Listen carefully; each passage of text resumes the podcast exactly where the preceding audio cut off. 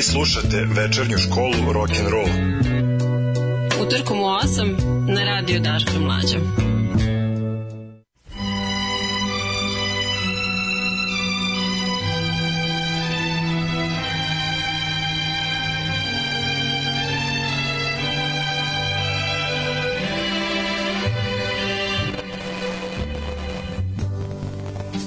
Georgia,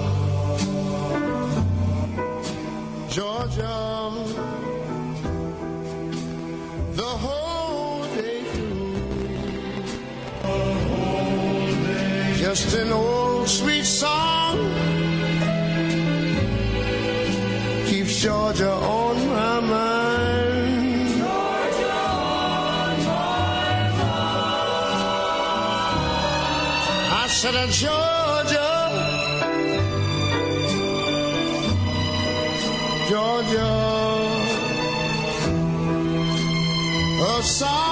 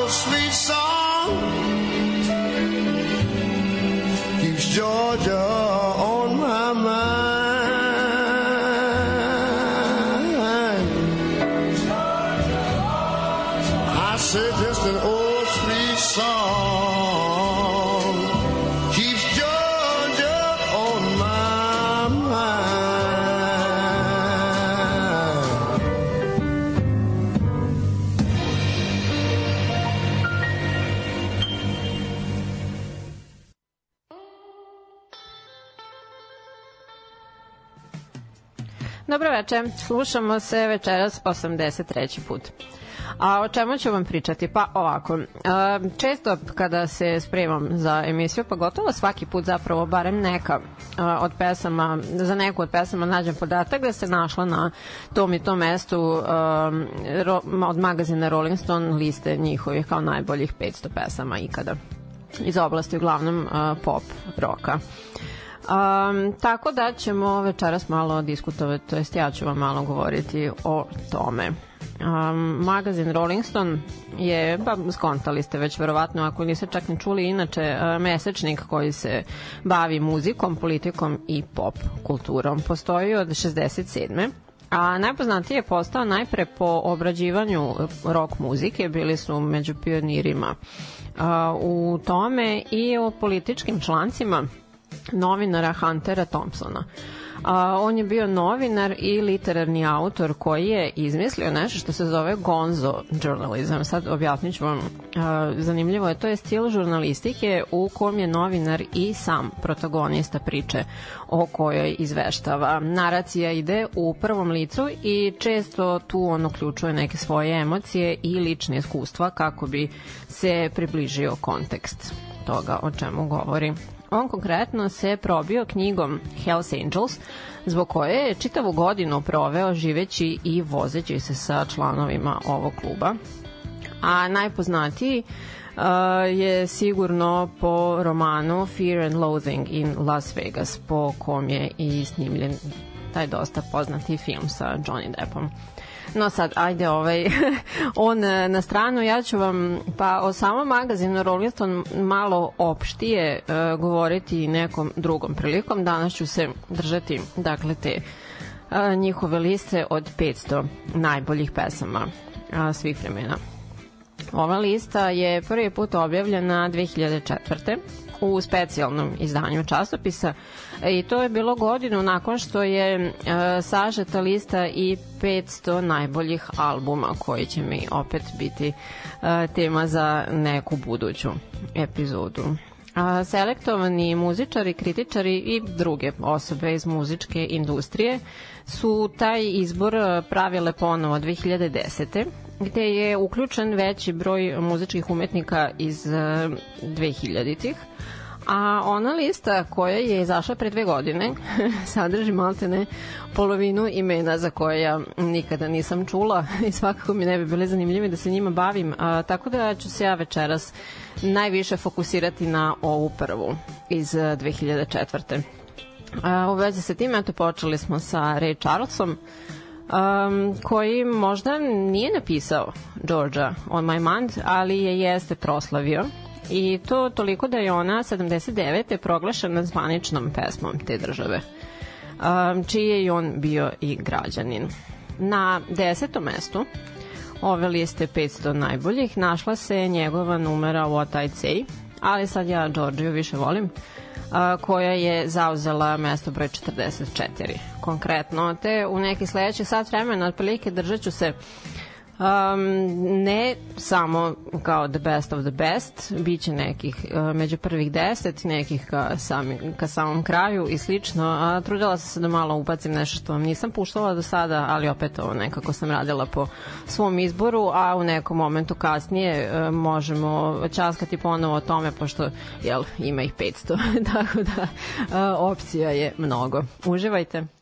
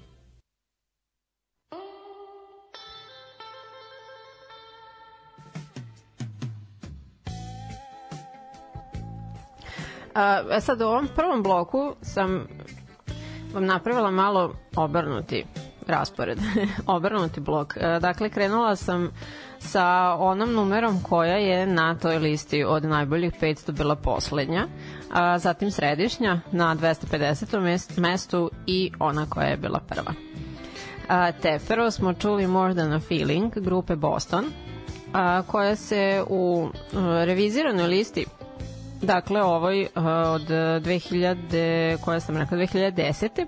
našla na dosta višoj poziciji, ali na ovoj iz 2004. je zauzela poziciju broj 500. Tom Schultz, osnivač, tekstopisac, e, gitarista, klavijaturista i jedini originalni član grupe Boston, ju je pisao punih pet godina. Ona se ne odnosi ni na jedan stvaran događaj iz njegovog života, ali jeste uzeo ime Marianne e, za e, numeru po svojoj rođaci.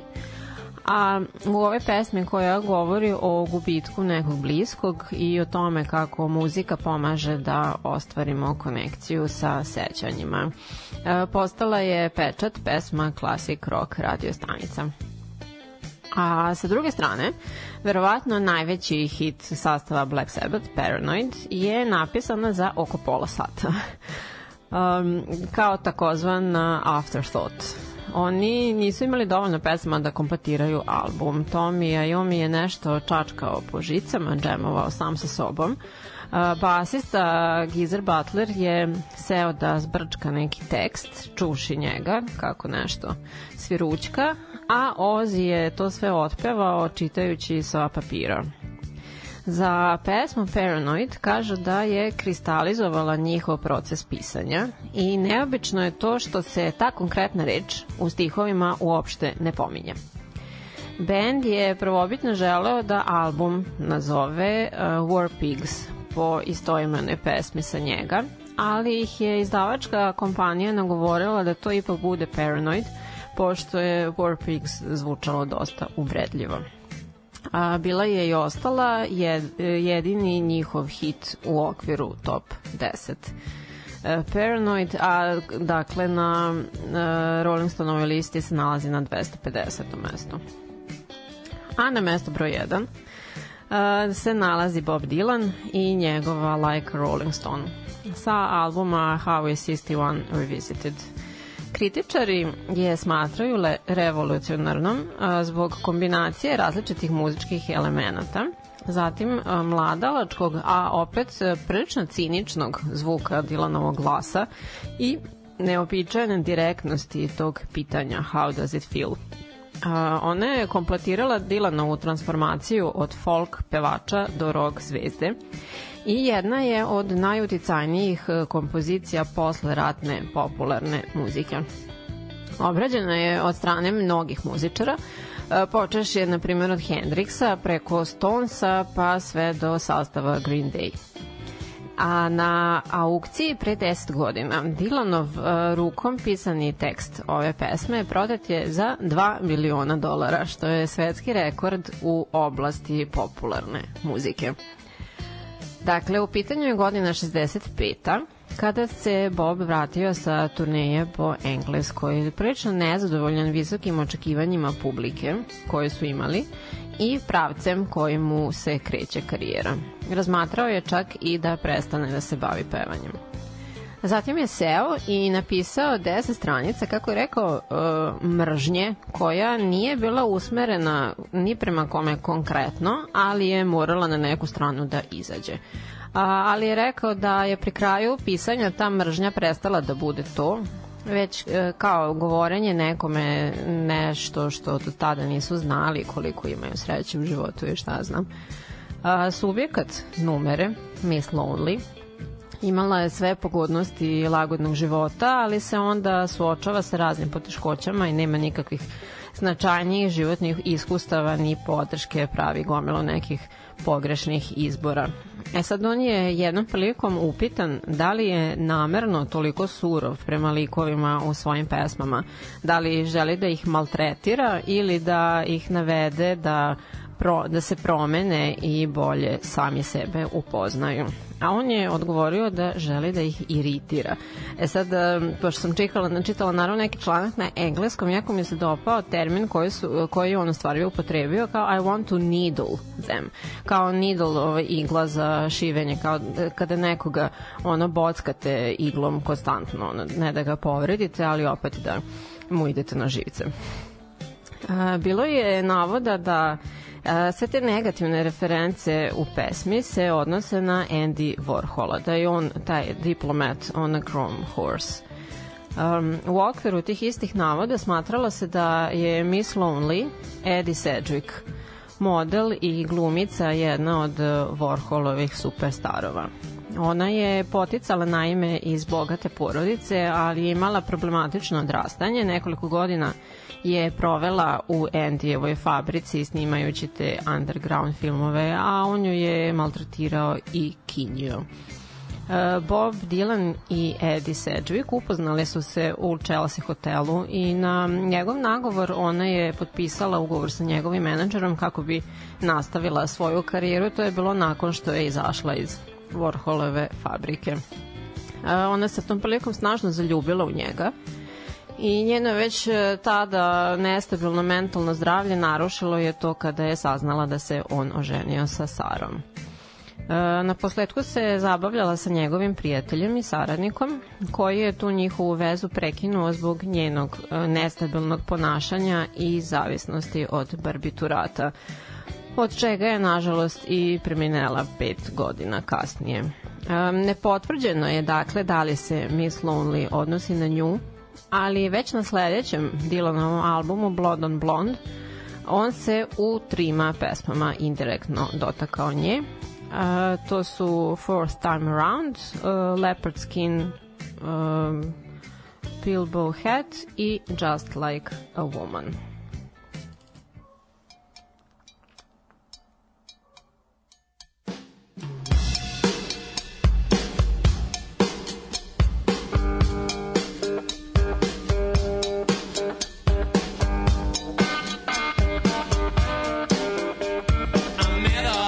gins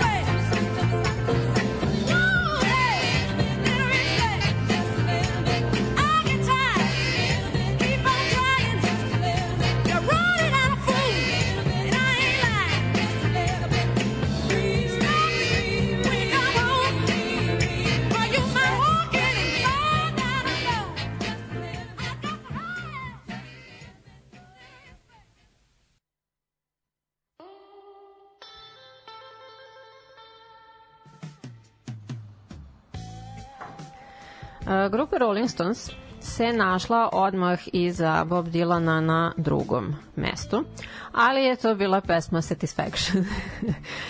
Ja više volim ovu koju sam vam pustila, Honky Tonk Women, čije je mesto 116. Tematski ona govori o devojci, to je devojkama koje plešu u tom nekom honky tonk baru. Brian Jones je bio prisutan na početku snimanja ove numere. Najverovatnije je i svirao na nekim prvim pokušajima i demoima. To su bile njegove poslednje sesije sa grupom. Inicijalno pesma je napisana po ugledu na klasik country muziku Hanka Williamsa, ali je dolaskom Mika Taylora ona transformisana u ovaj elektro, električni hit single snažnih rifova. A ono što je sasvim neuobičajeno je to što ne počinja jednim od tih rifova, već udarcima u zvono koje krave nose oko vrata. Na mesto broj 29 nalazi se Help, pesma Beatlesa koja se pojavljuje u istoimenom filmu i soundtrack albumu za nje. Lennon je većinski autor uz neznatnu McCartneyevu pomoć. On je to učinio iz nakupljenog stresa zbog prebrzog uspona i uspeha grupe. Citiram, bio sam debeo i depresivan i zapomagao sam za pomoć. Znalci su ovu pesmu opisali kao prvu pukotinu u Lennonovoj zaštitnoj ljušturi koju je izgradio oko svojih emocija tokom uspona Beatlesa ka slavi i velikom prekretnicom u njegovom pisanju. Uh, John je navodio Help i Strawberry Fields Forever, uh, koja zauzima mesto broj 76 na ovoj listi, kao svoje najiskrenije i najdraže radove, koje nije napisao kao poručbinu, već iz srca. I na posledku smo čuli Respect, koja u originalu pripada Otisu Redingu u čijem izvođenju predstavlja dosta neromantičnu, patriarhalnu porodičnu priču u kojoj muškarac radi po ceo dan, donosi novac kući i otud zahteva poštovanje. Ona je dobro prošla i pesma i album na kom se nalazi. Otis ju je izveo i na Monterey Pop festivalu, ali bilo je to Aretina verzija koja je napravila bum. Nekoliko godina ju i ona svakako već izvodila uživo u pratnji svojih sestara, sa stihovima izmenjenim tako da pašu pevanju u ženskom rodu. I trebalo je da je snimi za album I Never Loved a Man.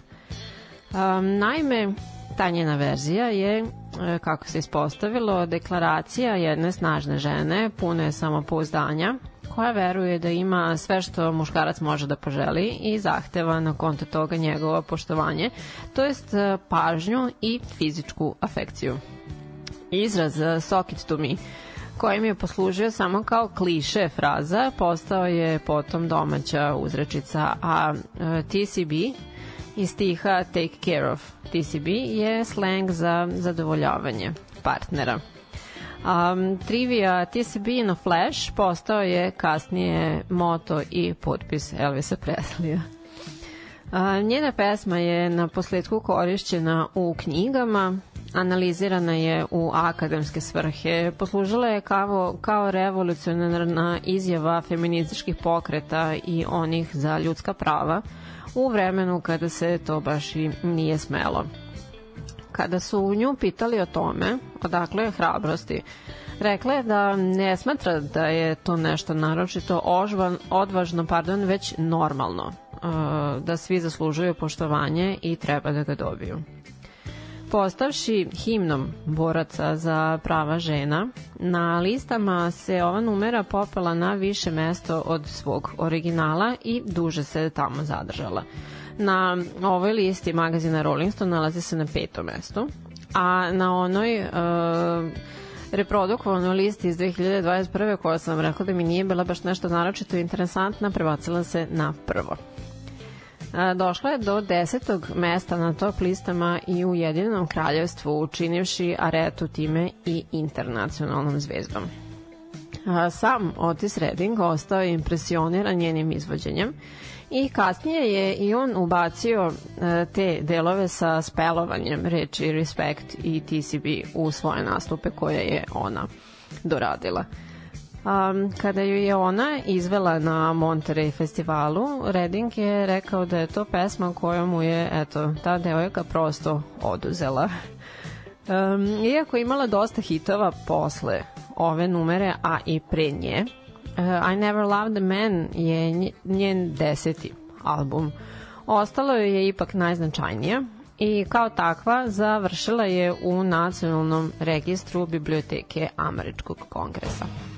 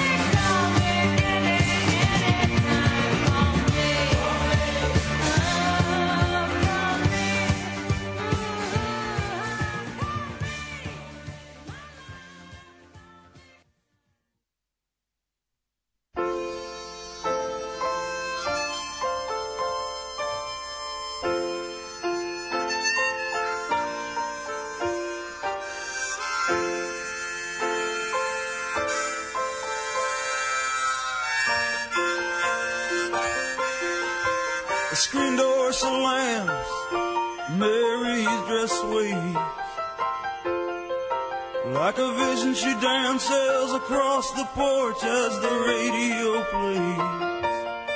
Roy Orbison singing for the lonely. Hey, that's me and I want you only. Don't turn me home again, I just can't face myself alone again. Don't run back inside.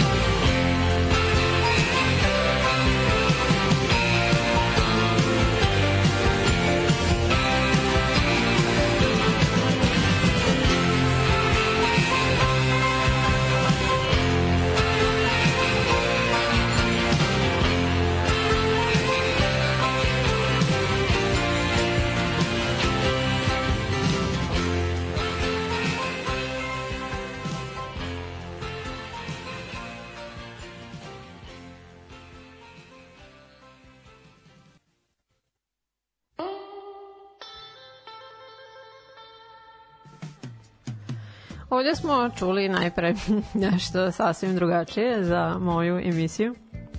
A sa dalekog 475. mesta čuli smo sabotaž, koja naprosto predstavlja rant o tome kako je producent grupe Beastie Boys bio najgora osoba na svetu koja ih je večeto sabotirala i unazađivala. Novinar časopisa Billboard opisao je numeru kao glasnu, agresivnu, e, koja će verovatno izazvati izlive vandalizma kod tinejdžera, ali sa druge strane kao njihov e, fin naklon punku i old school repu koji su voleli.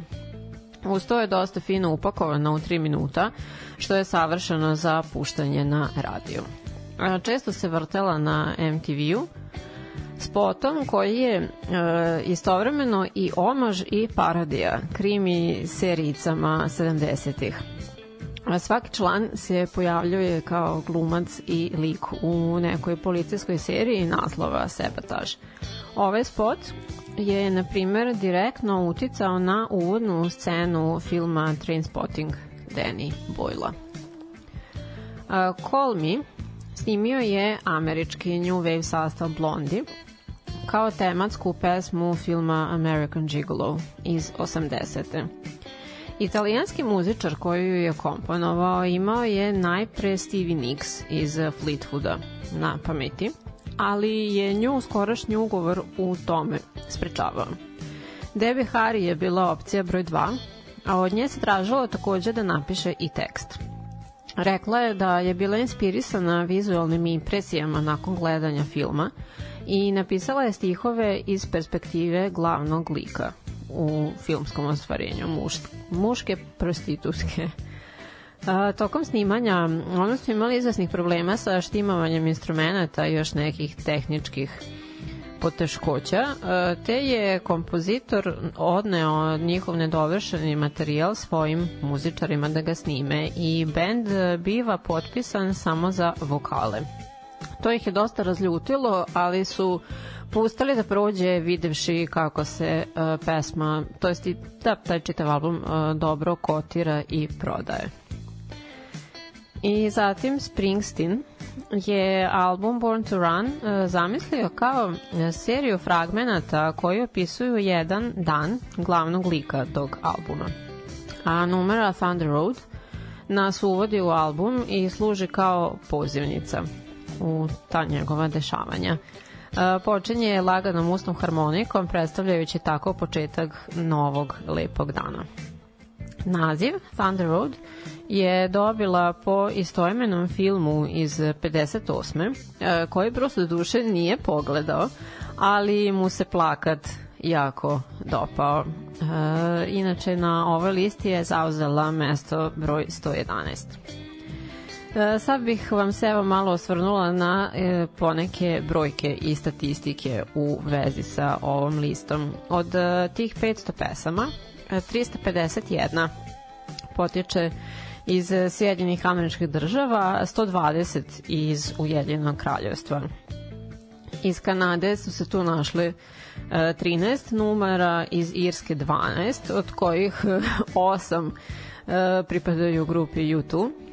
Zatim ide Jamajka sa 7, Australija sa 2, e, obe u izvođenju grupe ACDC i Švedska i Francuska sa po jednom. E, apsolutno sve pesme su na engleskom jeziku, dakle njih 499, osim jedne jedine, a to je La Bamba Richie Valensa.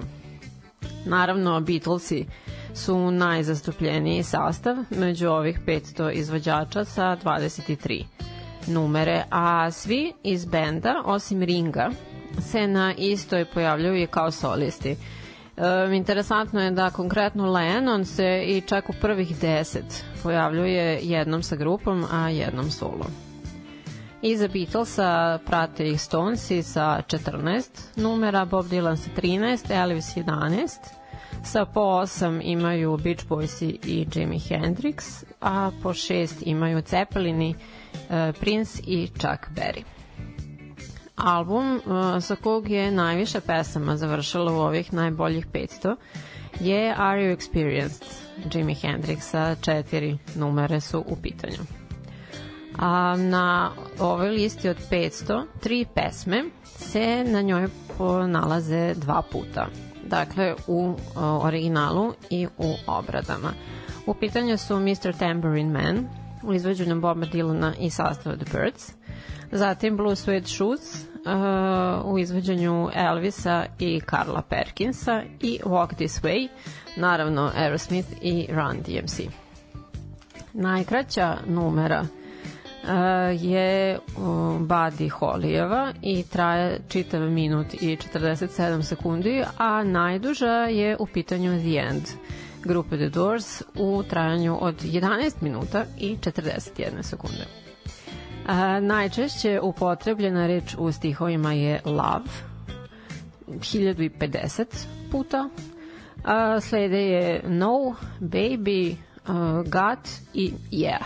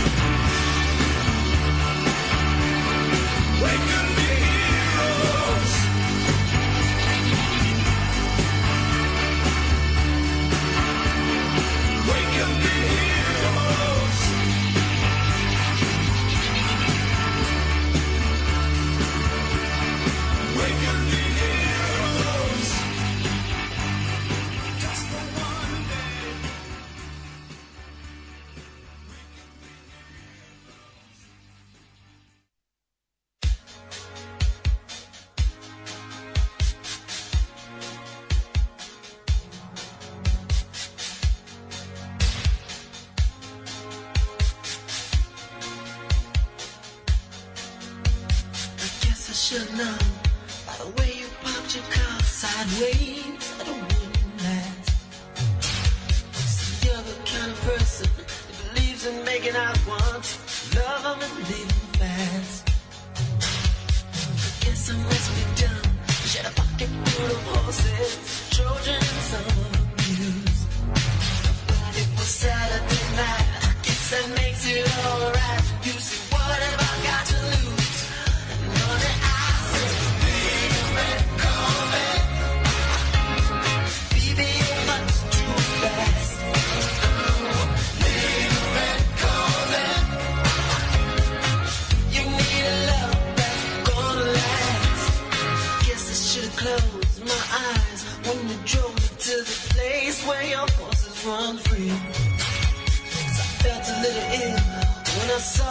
the pictures of the jockeys that were there before me. Believe it or not,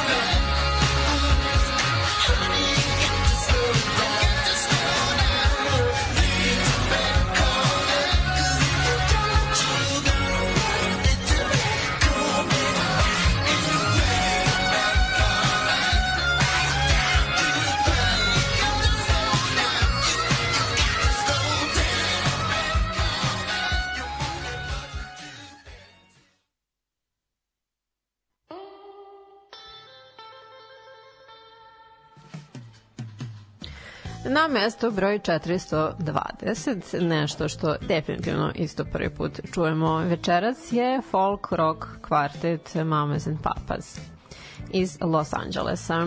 Oni su postojali samo od 65. do 68 ali su za to kratko vreme se etablirali kao definišuća sila muzičke scene kontrakulture 60-ih.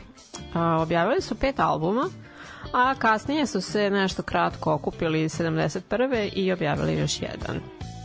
Prodali su oko 40 miliona ploča i završili u Rock and Roll Hall of Fame krajem 90-ih.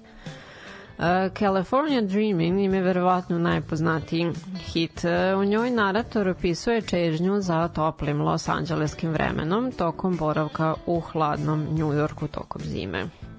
I kao takva postala je jedno od obeležja kalifornijskog zvuka. Čini se da sam to pominjala nedavno nekom prilikom kada sam uh, govorila o grupi Beach Boys koji su ono verovatno najveći uh, predstavnici tog e, pojma kalifornijski zvuk e, pa koji se ono e, bazira na toj plažnoj kulturi, hot rodovima, lepom vremenu, lepim devojkama i tako dalje. Zatim, um, prva Bovijeva pesma koja se našla na listi od ovih 500 je Heroes. Um, me, mislim, ne mogu da kažem da sam se ja baš najviše složila sa uh, izborom i pozicijama pojedinih pesama. Uh, meni je skandalozno što su Floydi ono, u drugoj polovini, znači posle 250. nekog mesta. Šta god neko o njima mislio, opet ono pričamo o, o uticajnosti i opštoj kulturi, Alice Cooper takođe, ono, uh, School's Out, mislim da je na 100 i kusur. Uglavnom, uh, verujem da većina mnogo više voli Bovija nego Floyde i uh, Elisa Coopera, a prva njegova numera koja se našla na, mislim da kažem, najvišem mestu je 46. pozicija i dakle pesma Heroes. Um, pored njega, ko autor ove numere je i Brian Eno. A, snimljena je za istoimeni album 77 u zapadnom Berlinu. Uh, dakle, album Heroes je drugi po redu u Bovijove berlinskoj trilogiji i jedini je zapravo koji je u celosti snimljen u tom gradu. A do te trilogije je došlo kada su se on i drugar mu Iggy Pop spakovali i otputovali da pokušaju da se očiste od svojih zavisnosti od opijata. Najpre su bili u Francuskoj, pa završili u Berlinu. Um, Bovi je po snimanju a, prvog albuma iz te trilogije Low išao sa Igijem na turneju e, kao njegov klavijaturista. pa su snimili Popov drugi solo album Last for Life. I onda je usledio rad na ovom albumu Heroes. U ovoj art rock pesmi radi se o dvoje ljubavnika – od kojih je jedna osoba iz zapadnog, a druga iz istočnog Berlina, koji e, vreme provode u stalnom strahu od smrti i maštaju o tome da su slobodni, da mogu da plivaju sa delfinima i slično. E, Bovi je namjerno stavio navodnike uz naziv pesme kao izraz ironije e, za ono što bi inače bila romantična numera, da se ne odigrava pod takvim okolnostima. Direktna inspira inspiracija za pesmu uh, bio je poljubac uh, Tonija Viscontija i njegove devojke kod Berlinskog zida kojim je, kojem je on prisustvovao. A osim toga, jedan nemački slikar ekspresionista i njegovo delo naziva Lovers Between the Garden Walls, koju su uh, Iggy Pop i on videli u berlinskom Brücke muzeju i jedna kratka priča italijanskog autora o nemogućoj ljubavi između italijanskog vojnika i Somalijke tokom drugog svetskog rata. E, takođe je ubacio neke elemente svog privatnog života u stihove ove numere, na tadašnje bračne probleme sa Angie, zatim alkoholizam i to što sam nije umeo da pliva. vremenom je rasla popularnost i voljenje ove pesme. E sad, um, ja sam primetila da e, koju god pesmu Davida Bovija da sam vam pripremala da o njoj govorim u emisiji, apsolutno za svaku sam nalazila navode da uh, se ova pesma smatra njegovim najfinijim, najkvalitetnijim, najovim, najonim radom tako da, ne znam, mislim, ok, generalno, svi ljudi, kritičari i muzički znalci i ostalo, ok, ona svi vole Davida Bovija, ali eto, mislim, ne znam, ono koja bi se zapravo po nečemu konkretno uh, izdvajala kada za svaku ono, nađem te opise. U svakom slučaju, kako vam drago, ali eto, mislim, i ova se smatra jednom od tih. Um, U svakom slučaju, bilo je to uh, tek 1985. na Live Aid koncertu kada je numera Heroes dobila na stvarnom značaju. Za to njegovo izvođenje kažu da je bilo najbolje ikada izvođenje pesme Heroes. Ovo dakle je remek delo njega, Inoa i Visconti, ali sa jasnim nemačkim uticajima. Uh, on je krenuo da izvodi najpre uh, skoro razgovornim tonom da bi završio maltene operski, a istovremeno neverovatno ljudski, kako su opisivali to tada na Live Aidu. I uh, završit ću vam večerašnju epizodu Princeovom crvenom korvetom, uh, drugim singlom sa albuma 1999 koji je izašao 1982. A na Rolling Stoneove listi zauzima 108. mesto. When Doves Cry se kotirala više, ali ja ovu lično preferiram. Ideju za pesmu Prince je dobio kada se napornog celovečernjeg snimanja smestio u... E sad nisam proverila kako se ovo konkretno izgovara, ali probat ću. Znači, Mercury Moncler Mara, Maroder, ne znam, auto je u pitanju iz eh, 64. Eh, svoje članice grupe Lisa Coleman. Eh, Stigao je kući i bez spavanja uspeo je da napiše ovu pesmu u nastavku te noći. A, ovde se dakle radi o ambivalenciji ka usputnom seksu zbog ranjivosti koje se osoba izlaže i strahu od povređivanja. Um, u svakom slučaju ne radi se apsolutno ni o čemu drugom u ovoj pesmi osim o seksu. Eto da uh, budemo konkretni u svi, svim njegovim dimenzijama.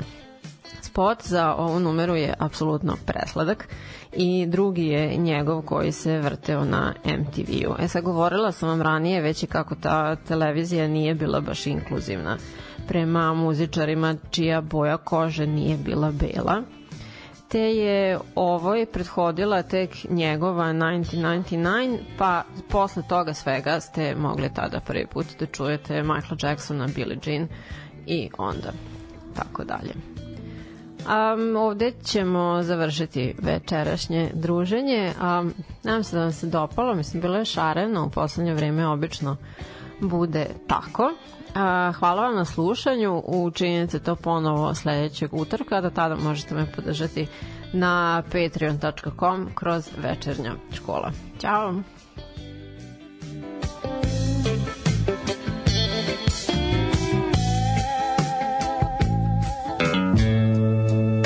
Vi slušate večernju školu rock and roll. Utorkom u 8 na radio Daška Mlađa.